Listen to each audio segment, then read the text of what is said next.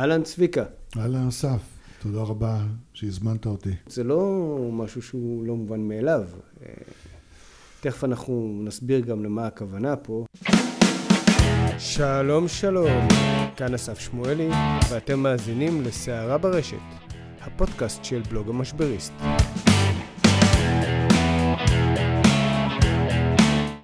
אהלן צביקה ונדר, בעלים ומנכ"ל של מקאם, איסוף מידע וניתוח מידע. בקיצור, מודיעין עסקי תחרותי. אה, בעברית עבור אנשים אחרים, חברת ניטור, אבל לא רק. איסוף מכל מיני זירות, גם מהרשת וגם לא מהרשת. יצירת אה, תמונה מלאה, תמונת מודיעין עסקי תחרותי. לטובת אותם לקוחות, מקבלי החלטות שזקוקים לעניין הזה. אוקיי, okay, עכשיו אנחנו נעשה איזשהו גילוי נאות קטן.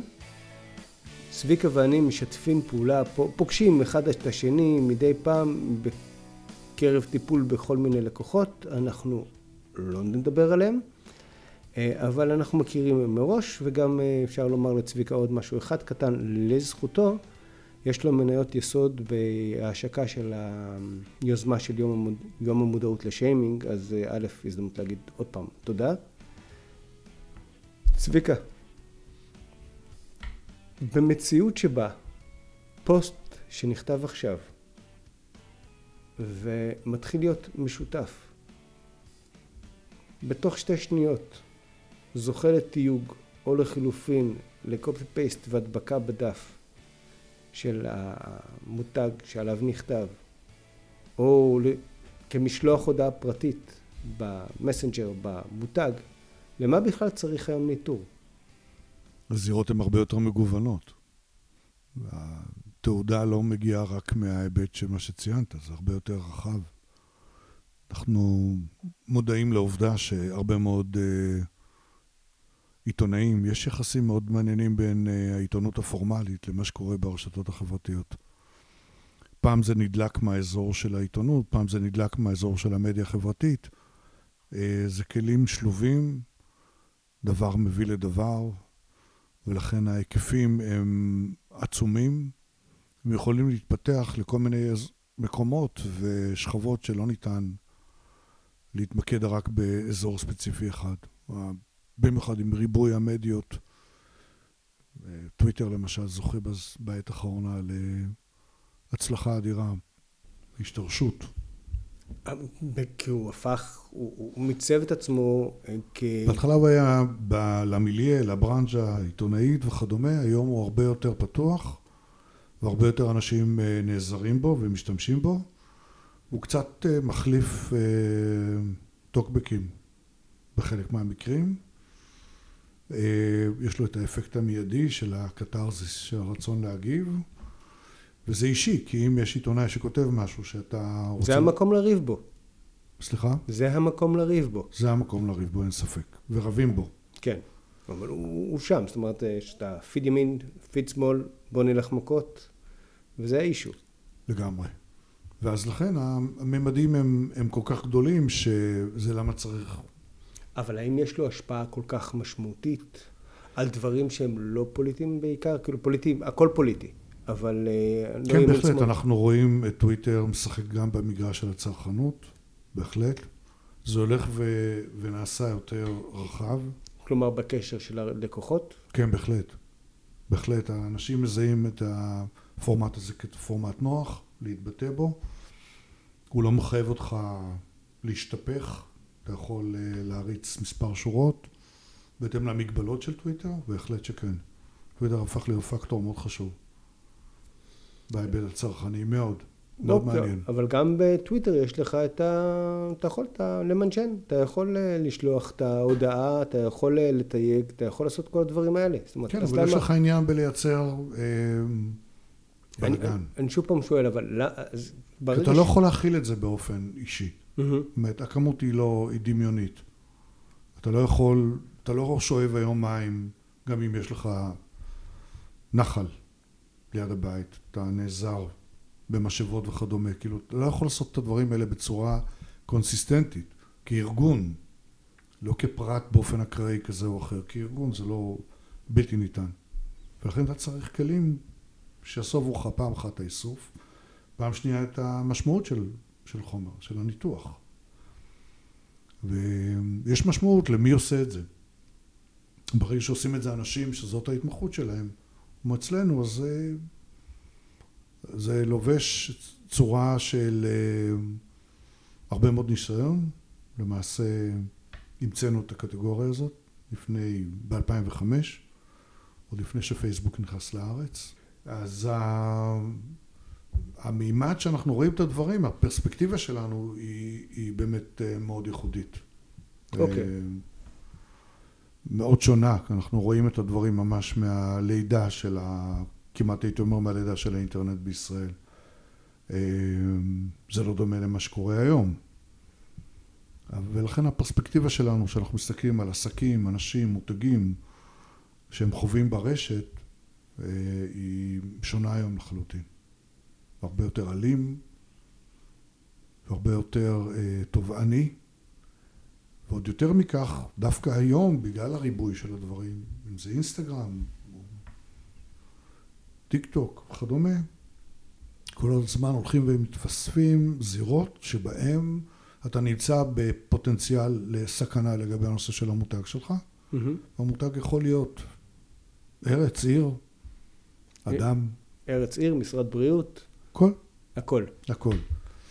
והמיידיות היום של ה... תראה מה קרה עכשיו לרמזור בנושא של התו הירוק. הרי היה ברור שזה הולך לקרוס, שזה לא יעמוד במצב שבו הם יצטרכו לתת מענה למעלה ממיליון איש שמאבדים את התו הירוק. Mm-hmm. היו צריכים לבוא ולומר, אנחנו נותנים פה בעניין הזה שבועיים, כדי לאנשים במהלך השבועיים, ולכן התו הירוק עוד יתפוס, הישן. תקופת הסתגלות כן, בעברית.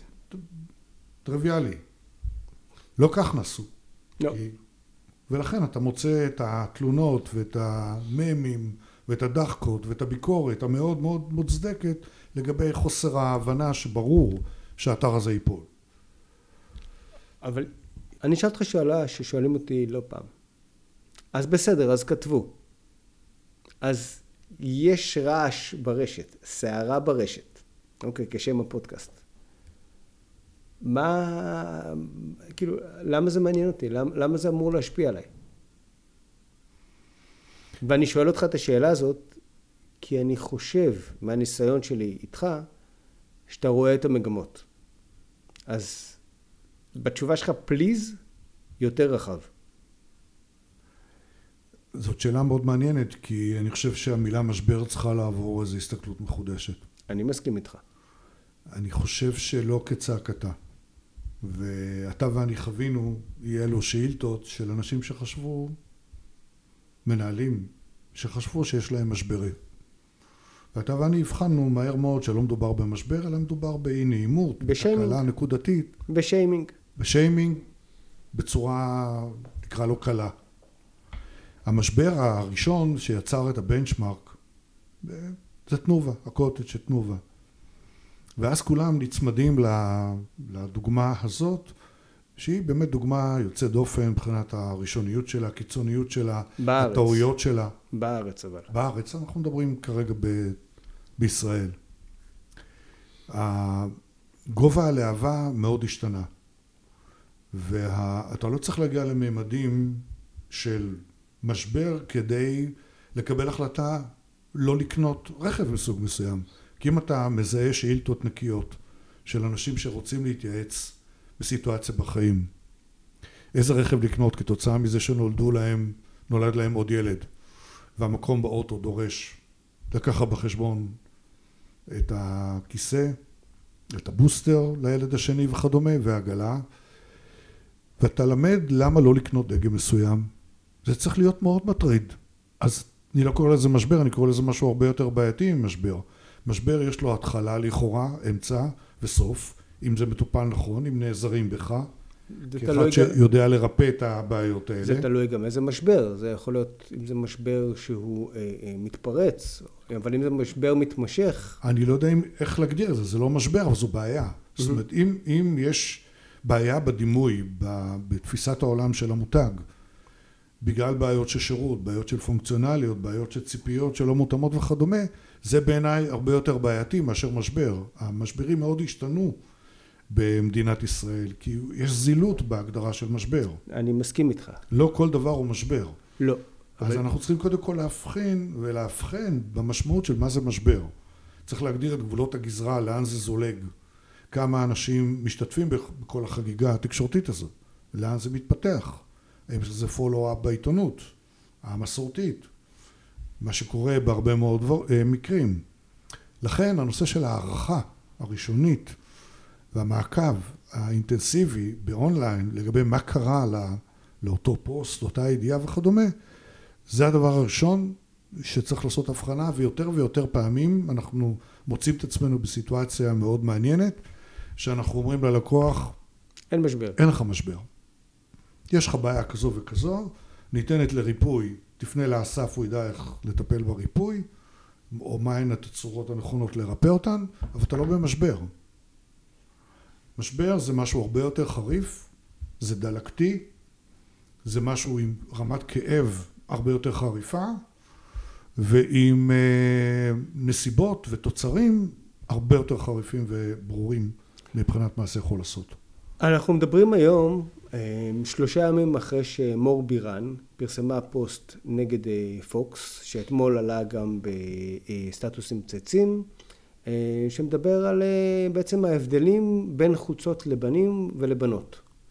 שלבנים זה רגיל, טישרט קלאסי, ולבנות זה צמוד, הדוק, מסליל אותם להיות נשים. עכשיו, זו לדוגמה, זו דוגמה שהיא שיימינג היא לא משבר עדיין בשביל פוקס. זה ו... שיימינג בעיניך? בעיניי זה שיימינג, כי אני לא חושב שכלל הקהל של פוקס כרגע יגיד, וואלה, עכשיו אני מפסיק לקנות פוקס, או עכשיו אני אקנה את החוצות שלי במקום אחר. גם יותר מזה, אנחנו לא מדברים על תקופה שהיא היערכות לבית הספר. רוב האנשים גם קנו את החולצות שלהם, זאת אומרת אנחנו בדיעבד אם זה היה בתקופת הקיץ לדוגמה, זה היה יכול להתאים יותר למשבר. אמ, ולכן איך אתה מגדיר את זה? כשיימינג? כרגע זה שיימינג. אבל מה שאנחנו רואים פה בעצם זה איזשהו רעיון מסוים שנזרק לחלל האוויר. נורמה שבאה ואומרת, הנורמה הקיימת היום, שגם ילדות בנות שש צריכות להיות חטובות, שהחוצה תתאים להם פיקס, תשב עליהם פיקס, כמו ש... תשב עליהם פוקס, כמו שצריך להיות, כמו שאישה תלמד להיות מתוקתקת, הנורמה הזאת צריכה לחלוף מהעולם. במקומה צריכה להיות נורמה אחרת של ילדות צריכות להיות ילדות, צריכות שתהיה להם, להם ילדות. זו נורמה אחרת שמחליפה. כרגע, הנורמה הרחבה יותר, שרוב הציבור כנראה עדיין מחפש חולצות לבנים וחולצות לבנות, לבנות, אוקיי? לא לבנות, לבנות. אמ, ולכן הוא לא ייטה בהכרח לאמץ את הנורמה החדשה הזאת.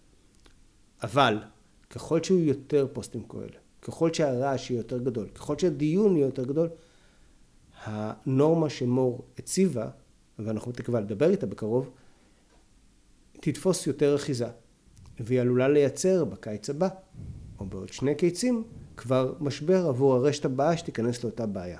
אבל הגדרת את זה, אני חושב נכון, זה עלול להיות, אמרת, כי זה בדיוק השלב שבו צריך לעשות את ההבחנה. נכון. וזה מקום נפלא כדי לתקן אותו. בזמנו לקסטרו הייתה בעיה עם הנושא של מידות, שלא טיפלו נכון, התגובה של הבעלים לגבי מידות יותר גדולות הייתה תגובה מאוד לא טובה, מאוד אה, לא מתחשבת באנשים שלא מגיעים עם הגזרה של ברבי והם חטפו בראש וחטפו נכון ובצדק. זה מזכיר לי אפילו... אבל זה כי זה היה תגובה מאוד לא נבונה בעת ההיא של הבעלים של החברה לגבי אותו כאב שהביעה אותה אישה שהיא לא נמצאת בגזרה האולטימטיבית שכפו עלינו מעצבי דעת הקהל. מה שאני מנסה לומר, אני עדיין לא רואה בזה שיימינג, אני רואה בזה סוג של מתנה שהחברה, אם מישהו יושב ו... ומסתכל על הדברים האלה, כמו שצריך לעשות, וזאת נקודה שהייתי שמח שנדבר עליה, כי אני חושב שהרבה פחות מדי מנכ"לים מחוברים לחומר הגלם ואנחנו נמצאים היום בתאריך של יום כיפור, מבחינה כרונולוגיה של אה, אוקטובר. כן.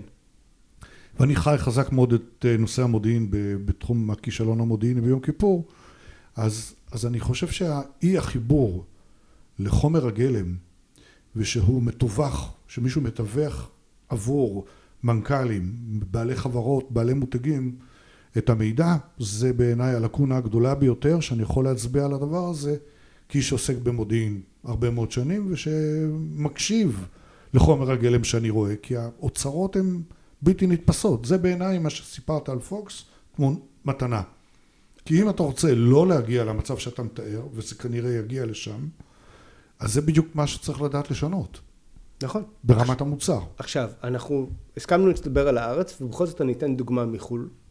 אנחנו מדברים על ויקטוריה uh, סיקרטס, שבמשך שנים המשיכה את הקו של הדוגמניות שלה, לא הקשיבה לציבור שמשתנה, ללקוחות שמשתנות, למודל היופי שמשתנה, למהפכה שדב הכניסה בתוך מודל היופי, לתפיסה שגם שמנה היא יכולה להיות יפה, למלא מהפכות בתפיסת הדימוי הגוף הנשי, ובסופו של דבר כמה קהל קלאסי, מצומצם, עשיר, וונאבי, יש.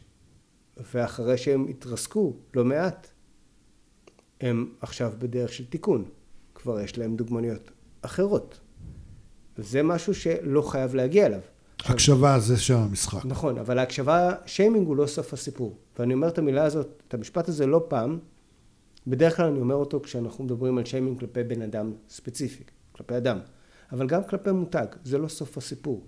זה בעצם פרק מסוים שצריך להקשיב לו ואפשר ללמוד ממנו. אתה תיקח ממנו את הדברים שמתאימים לך, יכול להיות שאתה תצליח למנף אותו. Mm-hmm. יכול להיות שאתה תצליח לעשות מה שאני קורא לו shaming turnaround. אבל זה לא סוף הסיפור. אתה יכול להחליט שהוא לא רלוונטי עבורך. אם אני ואתה פותחים חנות בשרית פה בצד ויש לנו התקפות ברשת או מחוץ לחנות של אה, אנשים שהם טבעונים, זה לא קהל יעד, זה לא משנה, אבל אימהות לבנות הן כן קהל, הן כן קהל יעד, ויכול להיות מאוד שיותר ויותר אנשים יקשיבו למסר שמורו ניסתה להעביר ויחליטו בפעם הבאה להגיד וואלה אני רוצה אחרת אני רוצה יכול, ש... יכולות להיות גם אימהות שלא בהכרח הסכימו איתה. יש כבר היום אימהות שלא okay, אוקיי, מסכימות ואני מניח שבסופו של דבר אנחנו חיים בעולם, ואולי זה אחד הקשיים הכי גדולים שעומדים בפני מנהלי שיווק ומנכ"לים, זה להבין מי קהל היעד שלי. לא רק, זה גם להבין את העוצמה. כי היום בהינף מקלדת כל אחד יכול להגיד הכל. ויהיה אם, משותף. ברור. אז אם שניים שלושה אנשים אמרו כזה דבר, זה עוד לא אומר שאני צריך לשנות את כל האסטרטגיה השיווקית שלי, או את האסטרטגיה של המוצר וכדומה. לכן ההבחנה של לעקוב אחרי התופעה ולהבין האם היא מתמשכת, רק אז לדעתי אפשר להגדיר את זה בעיניי כשיימינג. אני מתקשה ל- ל- להגדיר ביקורת, גם אם היא קטלנית וכמובן כואבת וצודקת, באופן אוטומטי כשיימינג. כי זה שאני לא שבע רצון מתופעה וכדומה, אני לא יודע איפה עובר הגבול ויכול להיות יכול להיות שאתה יודע הרבה יותר טוב ממני להגדיר איפה זה, איפה זה שיימינג בתפיסת העולם שלך ואיפה זה, רגע, קיבלתי פה פידבק שיכול להיות שזה מפריע להרבה מאוד אנשים. יש נורמות בעולם שלנו. אנחנו חיים בעולם שאין בו נורמות מוסכמות. פעם הכל היה ברור, הכל היה מסודר, אבל אנחנו לא חיים פעם. אנחנו חיים היום בעולם שבו, אה, ש... שוב פעם, אני לא רוצה לתת דוגמה של נשים גברים, אני מדבר פה על... אבל אם נלך רגע לאותה דוגמה שאתה הבאת, mm-hmm. אם אנחנו נמצא שיש פה הסכמות ונבדוק את זה על ציר הזמן ונגיע למסקנה שיש פה איזה נפח של 500 איש שמרגישים כמוה ונבדוק את זה באופן יזום בכל מה שאנחנו, בכלים שאנחנו יודעים. האם היית מתאר את זה כמשבר, כשיימינג? אה, לא, יש משבר ויש שיימינג. אז בוא נדבר רגע על השיימינג. אה, יאללה, אני הפכתי את המרואיין, אין בעיה. האם זה השיימינג? השיימינג... אם זה 500 איש. כן, מסיבה מאוד פשוטה. גם עם בן אדם אחד זה יכול להיות ניסיון שיימינג.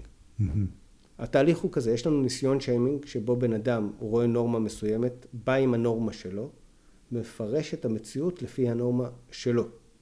ואז זורק את זה לחלל האוויר, לחלל הרשת. אנשים משתתפים, מסכימים, זה אומר שניסיון השיימינג הצליח, יש לנו שיימינג. בלי, מצ... בלי היבט כמותי? בלי היבט של להסתכל בהיבט הכמותי? לא, בלי היבט כמותי. אבל יש פה דברים, אבל ישנם דברים סובייקטיביים. אני אתן לך, ברור. הרי החיים הם סובייקט אחד גדול. ברור, ברור, אני אתן לך דוגמה. מבחינת רשויות מקומיות. פוסט נגד ראש עיר בתל אביב שיזכה אלף שיתופים. האם הוא כבר במצ... יכול להיחשב במצב שיימינג? כן. אוקיי, אם יש לו 500? תלוי בכמות הצפיות שיש לו אותנו 500. 500 שיתופים. 100 שיתופים יכול להיות... לא ש... בטוח. אוקיי. לא בטוח שמאה שיתופים. יפה. פוסט, זה עוד לא אומר שבתוך המאה האלה אין, אין תבונה שצריך להסתכל עליה ולשפר את enough. הביקורת שיש שם. fair enough. אבל אני מדבר רגע, כרגע על רגע, אנחנו מימד הנזק. על, רק, אנחנו אוקיי, מדברים בוא כרגע... נחשוב על פצצה. דיברנו על, אוקיי, דיברנו על על כמותי. פצצה שנפלה, אין בעיה, דיברנו על כמותי. כן. פוסט כזה בירוחם, שיש לו 100 שיתופים, הוא משמעותי יותר מפוסט בתל אביב שיש לו 100 ש- שיתופים? לא בטוח שיש פה את, את אותו סרגל. אני לא בטוח שיש פה את אותו סרגל, כי השאלה כמה בכלל מתבטאים בנושא הזה, אם בכלל. כי אם לא מתבטאים, אז יכול להיות שהמאה זה הרבה. לא, זה בדיוק העניין. באופן- ככל שהקהל שלי הוא יותר קטן, יותר מעורב, או- בדיוק. הקהל- אז אם על עיריית תל אביב או על ראש עיריית תל אביב יש המון פוסטים, אז האלף יכול להיות שהוא קנה מידה, בתוך הקנה מידה שלו לא, לא גדול. נכון, ויכול להיות שהמאה הוא כן גדול, כי לא נכון, דיברו על פוקס. ולכן מה שחשוב. פה הוא הוא שני ההיבט דברים. ההשוואתי. אחד, הרעיוני. והשני הוא בעצם העובדה שיש הסכמה. עכשיו, זה לא אמרתי, אני לא טוען שמאה זה עדיין משבר, זה מצב של שיימינג, גם שלושים זה מצב של שיימינג, זה עדיין לא אומר שהשיימינג הזה צריך להכניס אותי למקלטים, או מחייב הכרעה כרגע, זה אומר שיש מצב שיימינג, מתנהל כרגע, יש נורמה מסוימת, מוצבת, אנשים טוענים שמישהו אחר חרג ממנה, יכול לשאול אותך שאלה? תמיד, יש רכב מסוים שאנשים שואלים לגבי הבטיחות שלו. סיפור אמיתי, אני לא אנקוב במותג כי זה לא, לא המטרה, אבל זה, זה משהו אמיתי. ובניתוח שעשינו, גילינו שבערך כמעט משהו שלא ראינו מעולם, ש-50% אומרים, הרכב הזה, המחיר שלו מצוין, אל תקנה אותו, הוא לא מספיק בטוח. אם אתה דואג לבטיחות של המשפחה שלך, שלך וכדומה. האם זה שיימינג? ברור. זה שיימינג? כן, הוא, הרכב הזה נתפס כחורג מנורמה של בטיחות. הנורמה של בטיחות הפכה להיות מרכיב משמעותי יותר ברכבים. אבל זה לא שיימינג, ככה הוא מגיע. זה הרכב שלכן הוא מגיע במחיר מאוד... אה, הוא מגיע- הם, הם, הם מניפים את הדגל של המחיר. Fair enough. ברור לך שבתוך המחיר הזה חבוי משהו. נכון. שאתה לא יכול לקבל את כל החבילה שתקבל נכון. במחיר של רכב אחר שהוא תוספת של עוד בערך 60-70 אלף שקל. ולכן יש לך את ההגדרה של שיווקית שנקרא less for less. אז אתה מקבל פחות, משלם פחות, אבל אתה מבין שיש לך חבילה. ובתוך החבילה הזאת מובלע בתוכה הסוגיה של אתה מוותר על משהו. נכון. אז אם, ויתר, אם אבל- ויתרת במודע, או, אז השאלה היא אחרת דווקא. מהמם. אם הנורמה החזקה שלנו היא בטיחות, הנורמה המוסכמת, הרחבה, שוב, אין מוסכמת, כי עדיין הרכב הזה ממשיך למכור. אולי לא, מאוד, מאוד מצליח. הוא לא, אולי הוא לא מוכר 100, הוא מוכר 50, אבל הוא ממשיך למכור, זה לא משנה. מהמם. זה אומר שהנורמה של בטיחות היא קיימת, אבל היא לא חזקה מספיק, היא לא הרוב, ולכן הוא ממשיך. אבל הוא חורג מהנורמה הבטיחותית. אבל אז, אז האם זה שיימינג? הוא ברור. ממשיך למכור, רגע, ברור. הוא ממשיך למכור, לא, אני, אני מנסה באמת להבין דרך בגישה שלך. הרכב הזה לא מגיע בהטייה, הוא לא מטעה אותך, הוא לא בא ואומר אני הכי בטיחותי וכדומה. הוא לא חורג מנורמה של שקיפות. נכון, חורג מנורמה של בדיוק- בטיחות. אתה יודע בדיוק מה אתה הולך לקנות. בסדר גמור. ולמרות הכל הוא מצליח, ולמרות הכל בתוך המחקר 50% אומרים לבן אדם ששואל האם כדאי לקנות את האוטו, אל תקנה אותו אם אתה מחפש פקטור של בטיחות. fair enough. מה צריך לעשות אותו מנכ"ל? אה, אותו מנכ"ל צריך? לעשות אחד משני דברים. אחד, אם מגרדים לו, כאילו, לגרד בראש ולהגיד, אוקיי, יכול להיות מאוד שהדרישות של השוק הישראלי, הוא הולך לצביקה, או למתחרים שלו, לא, לא, לא יגידו שאנחנו כרגע זה, רק טוב, רק לצביקה, ואומר לו, אה, הוא כבר אצל צביקה, אז לא משנה. אז הוא הולך לצביקה ושואל אותו, צביקה, תגיד לי, בתוך הבטיחות מה מפריע להם? וזה פה אולי המקום של המודיעין עסקי, תחרותי, להבין יותר טוב מה בתוך הבטיחות. בהחלט. כי יש בטיחות היא. מילה יש רחבה. breakdown. אז יש יגידו, אוקיי, כי בטיחות כוללת לדוגמה, כריות אוויר, נושא לא, לא, שלו... שנייה, תן לי, תן לי לזרום אותך. בבקשה. בטיח- בטיחות כוללת גם את האלמנט של ההולך רגל שנכנסים בו. נכון. ואתה יודע, אצלנו במציאות הישראלית, לצערי אני אומר את זה, ההולך רגל לא משנה. הוא משנה אחרי שפגענו בו. ואז כולם באים להתגייס, לעזוב וכן הלאה, כי אנחנו לא מפקירים אנשים על הכביש, אבל אין לנו בעיה לפגוע בהם. אני אומר משהו שהוא מאוד עצוב לי ברמה האישית. אנחנו אמר מישהו שאני מכיר שכולנו בסופו של דבר נוסעים בפחיות לבנות, קופסאות פח לבנות. ולא מעניין אותנו כלום בדרך, גם המחלפים, הכל, לא, לא מעניין אותנו הטרמפיסט שבדרך אנחנו ניתן לנו לנסוע, תפסיק להפריע לנו. אתה הולך רגל, אתה מפריע לי. ולכן יכול להיות שבהיבט של ההולך רגל, שזה מה שמוריד לו את הדירוג בטיחות, לא רלוונטי עבור קהל היעד שלו. יכול להיות שכריות האוויר, שהן בתוך הרכב, כן רלוונטיות לתוך קהל היעד שלו. אז אם המנכ"ל רוצה לתקן פה איזשהו משהו ספציפי, הוא יכול לבוא ולהגיד למותג שאיתו הוא עובד בחו"ל, תעשה לי פורמט של X ונוסיף לו Y למחיר. יכול להיות, אם זה אפשרי, תלוי במותג, תלוי בזה, זה אופציה אחת, שזה לתקן את הבעיה, להקשיב לשיימינג ולתקן את הבעיה. אופציה אחרת היא להתמודד עם השיימינג ולבוא ולתקוף אותו בדרכים אחרות. סתם לדוגמה, הרכב עשה, וזה כבר מתחיל להיות מסוכן, צריך לעשות את זה בצורה חכמה. סתם דוגמה, אני זורק כי אני לא מכיר את הקונספט. רכבים, איקס רכבים מעורבים בתאונות. כמה פעמים, מה מתוך המרכיב הזה, הרכב הזה היה מעורב בתאונה. מה מתוך הדברים, מה היו התוצאות. בסופו של דבר, אפשר לקבל המון תובנות מתוך הדבר הזה, שאותם אפשר לדלבר בצורה אחרת, שוב, חכמה, כי אתה לא רוצה להשליך את התינוק, את התינוק עם המים. זה... אני עדיין לא יודע לשים את הקו, כי אני מסתכל על זה מזווית שונה משלך, מטבע mm-hmm. הדברים. אני מסתכל על זה בעיניים של עסקים, מההיבט העסקי. זאת אומרת, המודיעין שאני מביא, שאנחנו מביאים, אמור לשרת חברה בהיבט התחרותי, עסקי, ו, וזה חלק מאותו יבואן, זו חבילה מוכרת עבורו. זה לא הייתה הפתעה, הוא יכול להבין בצורה של drill down יותר מדויק, מה בתוך הקומפוננטה של הבטיחות, מה בעצם למה אנשים פורטים את זה. אבל מלכתחילה הוא הביא את הרכב הזה מתוך הבנה שבתחום הבטיחות הוא לא מצטיין, אבל הוא בא עם חבילה שתג המחיר שלה מאוד ברור לו, ו- he is willing to pay the price. אבל לא רק שהוא עובר, הוא בא עם חבילה. הוא בא עם חבילה. רגע, אחד, הוא בא עם חבילה שהיא מעל או בדיוק לסטנדרט החוקי הנהוג בישראל. הוא לא יכול למכור פחות. עובדה שהוא מוכר פחות מכל התחרות. פחות מכל התחרות, פחות כן, מכל אבל לא התחרות. לא, פחות ממה שהרגול... לא פחות ממה שהרגולטור מאפשר. זה כבר בעיה אחרת, שהרגולטור נכון. מאשר... זה כבר עניין, אבל הוא, הוא לא יודע אם זה בעיה, זה קיים. לא, הוא חי בתוך החוק, נכון. ברור. אז לכן... הוא, הוא חי בתוך התקינה. הוא לא מתחיל במינוס, הוא מתחיל באפס, הוא מתחיל ב-0.1 או ב-1. אבל יש אנשים שההיבט הבטיחותי חשוב להם. fair enough. והם לא יקנו את הרכב הזה בחיים למרות מחירו האטרקטיבי. יכול להיות, ויכול להיות מאוד שבעבודה נכונה הוא ידע לרכך אותם בנקודה הספציפית שבה הוא פחות... הדרך היחידה שהוא מרכך אותם זה רק לנגן על המחיר. כפי שאני רואה אותו בפועל שהוא עושה את זה. הוא אומר, להיות. אני אגרום לאותו אדם ששוקל לייצר את הסכסוך. להאמין שהכל יהיה בסדר, להאמין שבסוף וכדומה. אבל המחיר ישכנע את אותו אדם לרכוש את הרכב. או לחילופין, הוא יכול למכור את זה יחד עם יחידת אה, ביטוח, ואז הביטוח שלו הוא זול יותר בצורה מסוימת, כי הרכב הוא גם ככה רכב זול. ואז אה, יש איזושהי... לא תמיד הביטוח נותן מענה לבעיות המאוד נכון. כואבות של תאונות וכדומה, אבל לא רק של רכוש. אבל זה, הרי לך דילמה איפה עובר הגבול בין אה, היבט של משבר, היבט של שיימינג. אה, אגב, כי... זה יהיה משבר כשהקהל שלו שקנה אצלו את הרכבים הקודמים, או הקהל שאותו הוא מגדיר כקהל יעד, יגיד לו, אדוני, יש משהו בקטע של הבטיחות, אני, אני רוצה לחשוב על זה, אני, אני אקנה רכב אחר, אני אקנה רכב יד שתיים.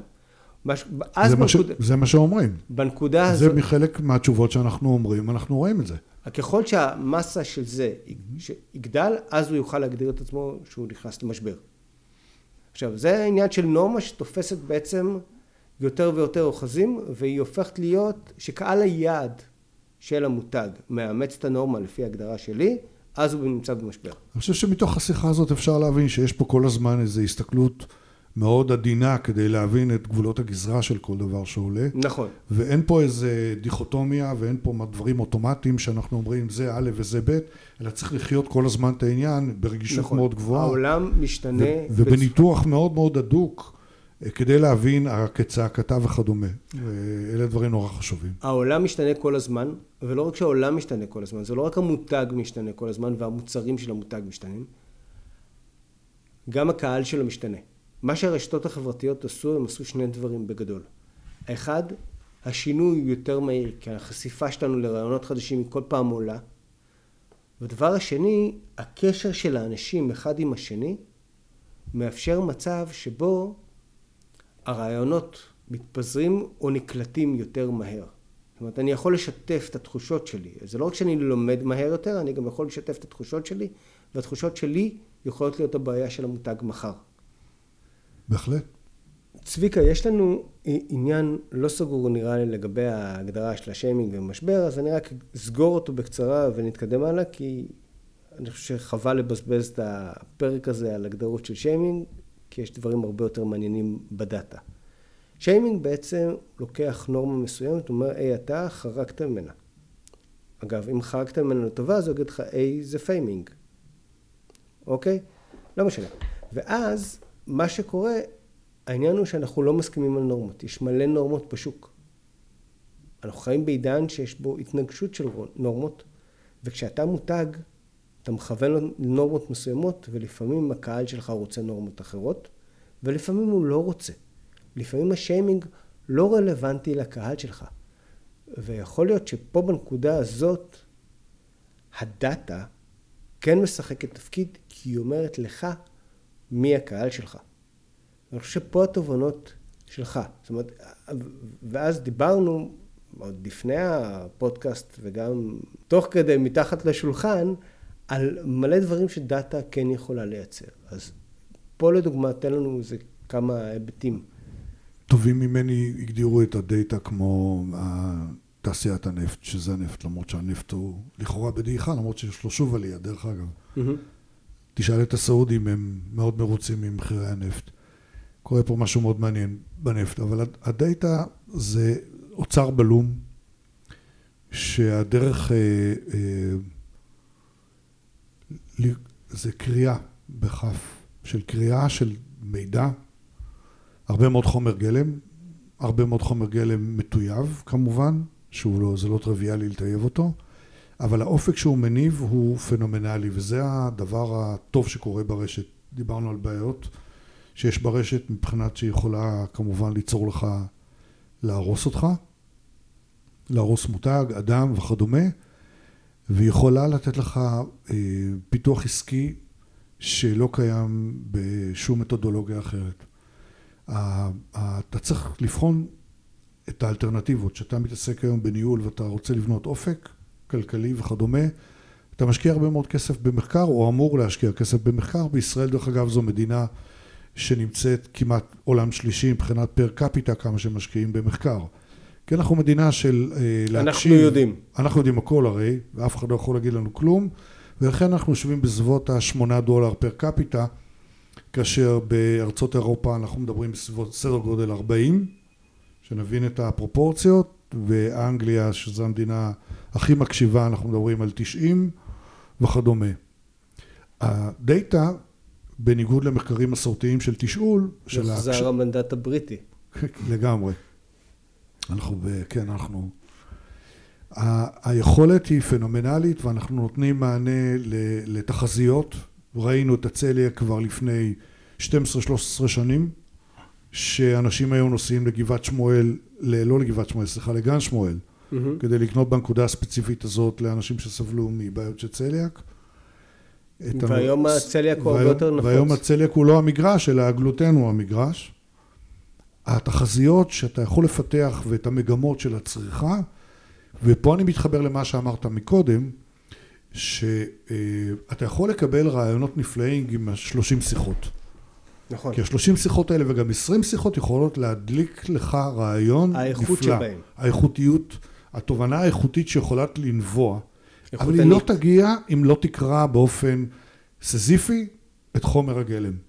ולא תבין שיש רצייה למאפים מסוג מסוים עם רכיבים בתוכם שהם מלוכים ופחות מתוקים כמו שעשינו מחקר לחברת מחובות המזון או חברת מזון מאוד גדולה בישראל שקיבלה מאיתנו תחזיות של על איזה תחומים איך אתה יכול לראות את הדברים מתפתחים, בוא ניקח את הקמח טף, אני מקווה שאני אומר את זה נכון, או טף או טף האתיופי, הדגן האתיופי, שנחשב לסופר פוד.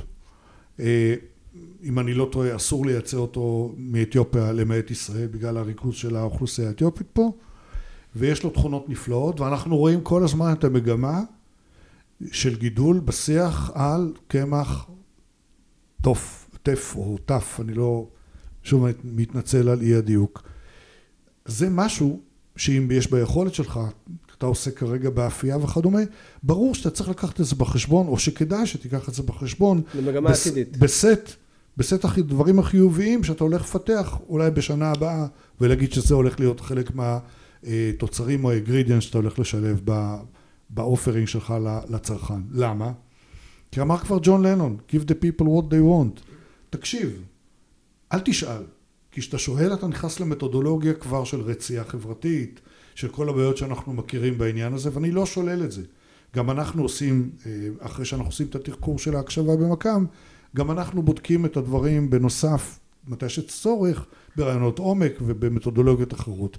אבל ההקשבה היא אה, תכונה נפלאה שמי שיודע לעשות אותה ומי שמוכן להקדיש לזה את הזמן ולא תמיד צריך הרבה מרוויח, הוא מבין, אחד, הוא יודע למנוע בעיות של שיימינג ובעיות של משברים, כי אתה עוסק, וזה עיקר העשייה היום של הלקוחות שלנו, שהם בעצם ביום יום חווים את המידע עליהם ועל העולם שלהם ועל הקטגוריה שלהם, והם בכך מייצרים צעדים קטנים כדי להימנע מאותן סיטואציות קשות תקשורתיות, הן של עיתונאים שמתפתחים או מפתחים איזושהי גישה, או הן אה, כמובן של לקוחות ברשת.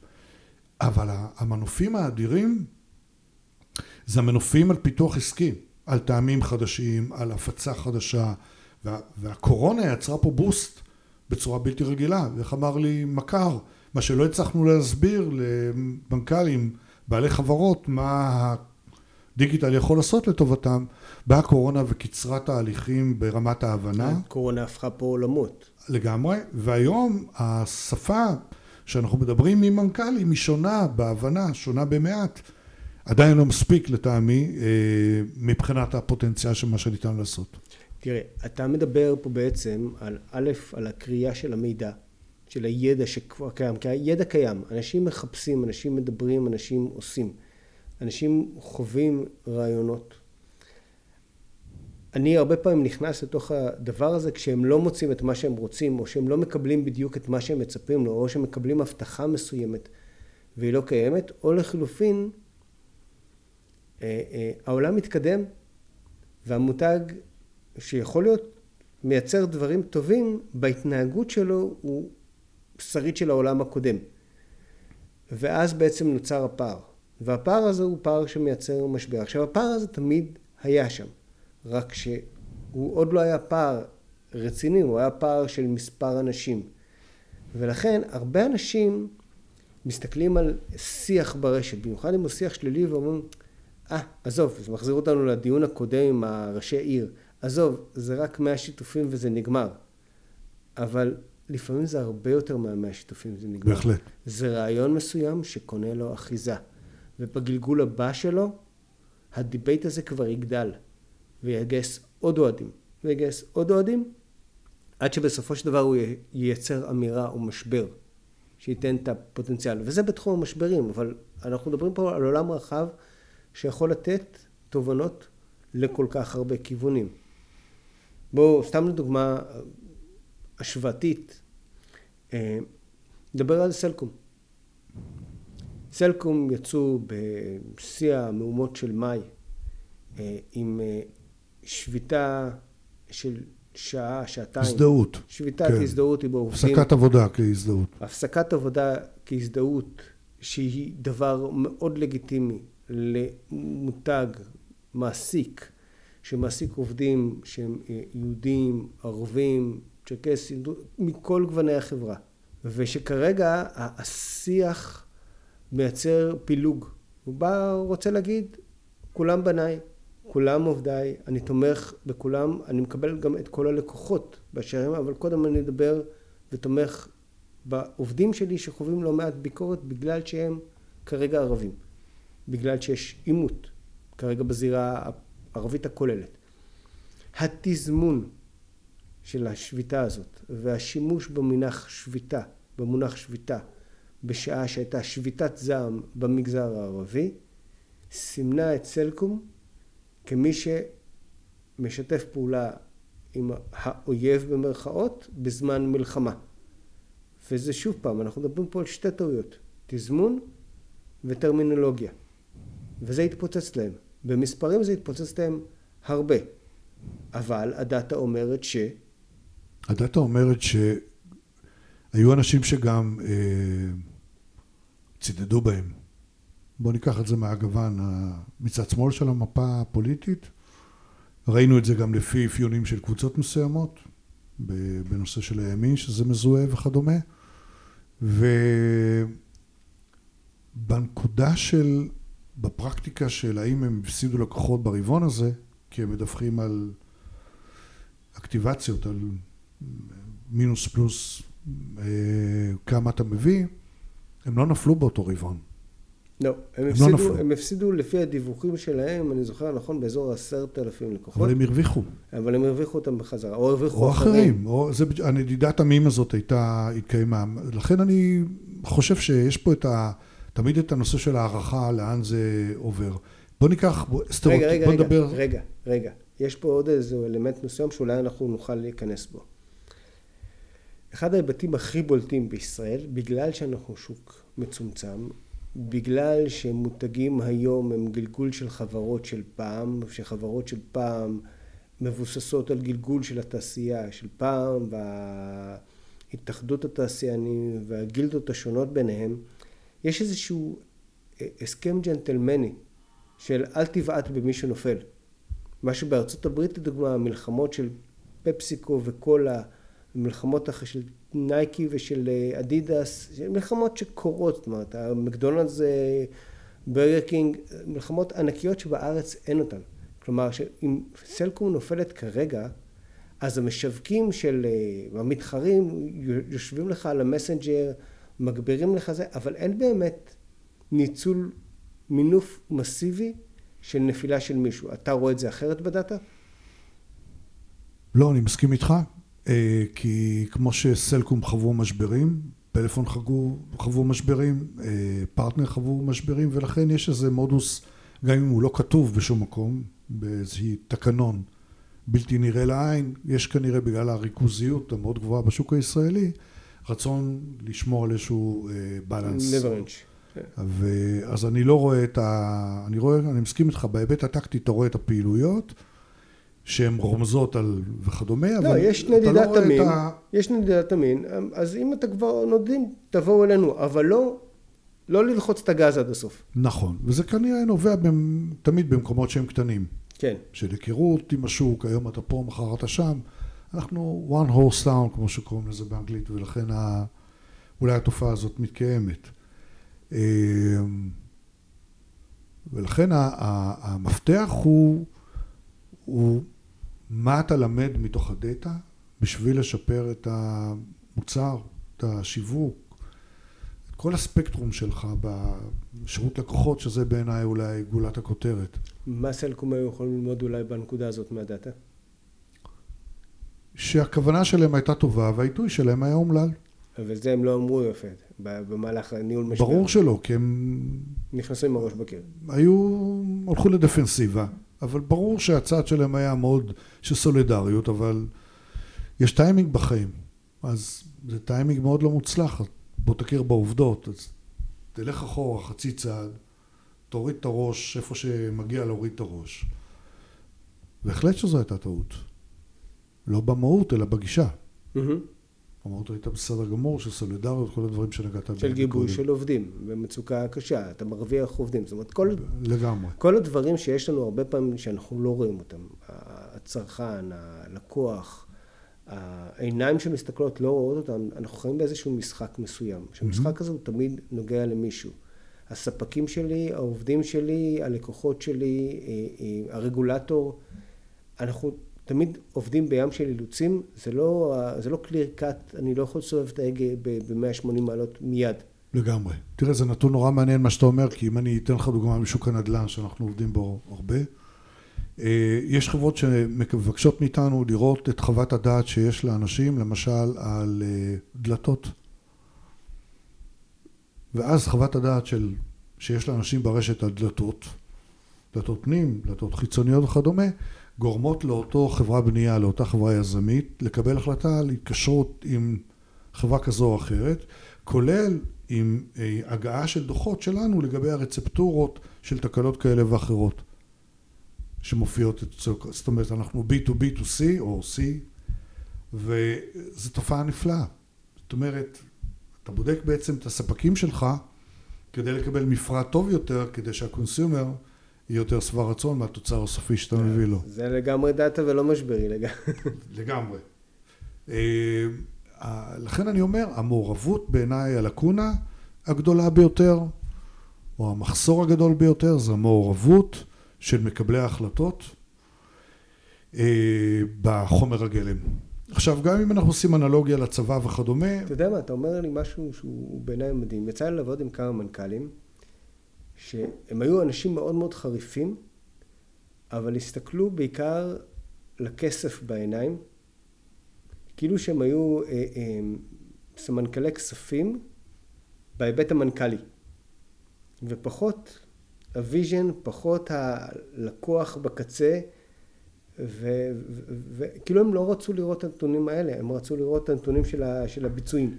יש להם, אה, אה, יותר קל להם אולי להסתכל דרך העיניים של, ה, של הכספים, אבל אה, אני חושב שיש להם, אה, אנחנו קוראים לזה חרדה דיגיטלית.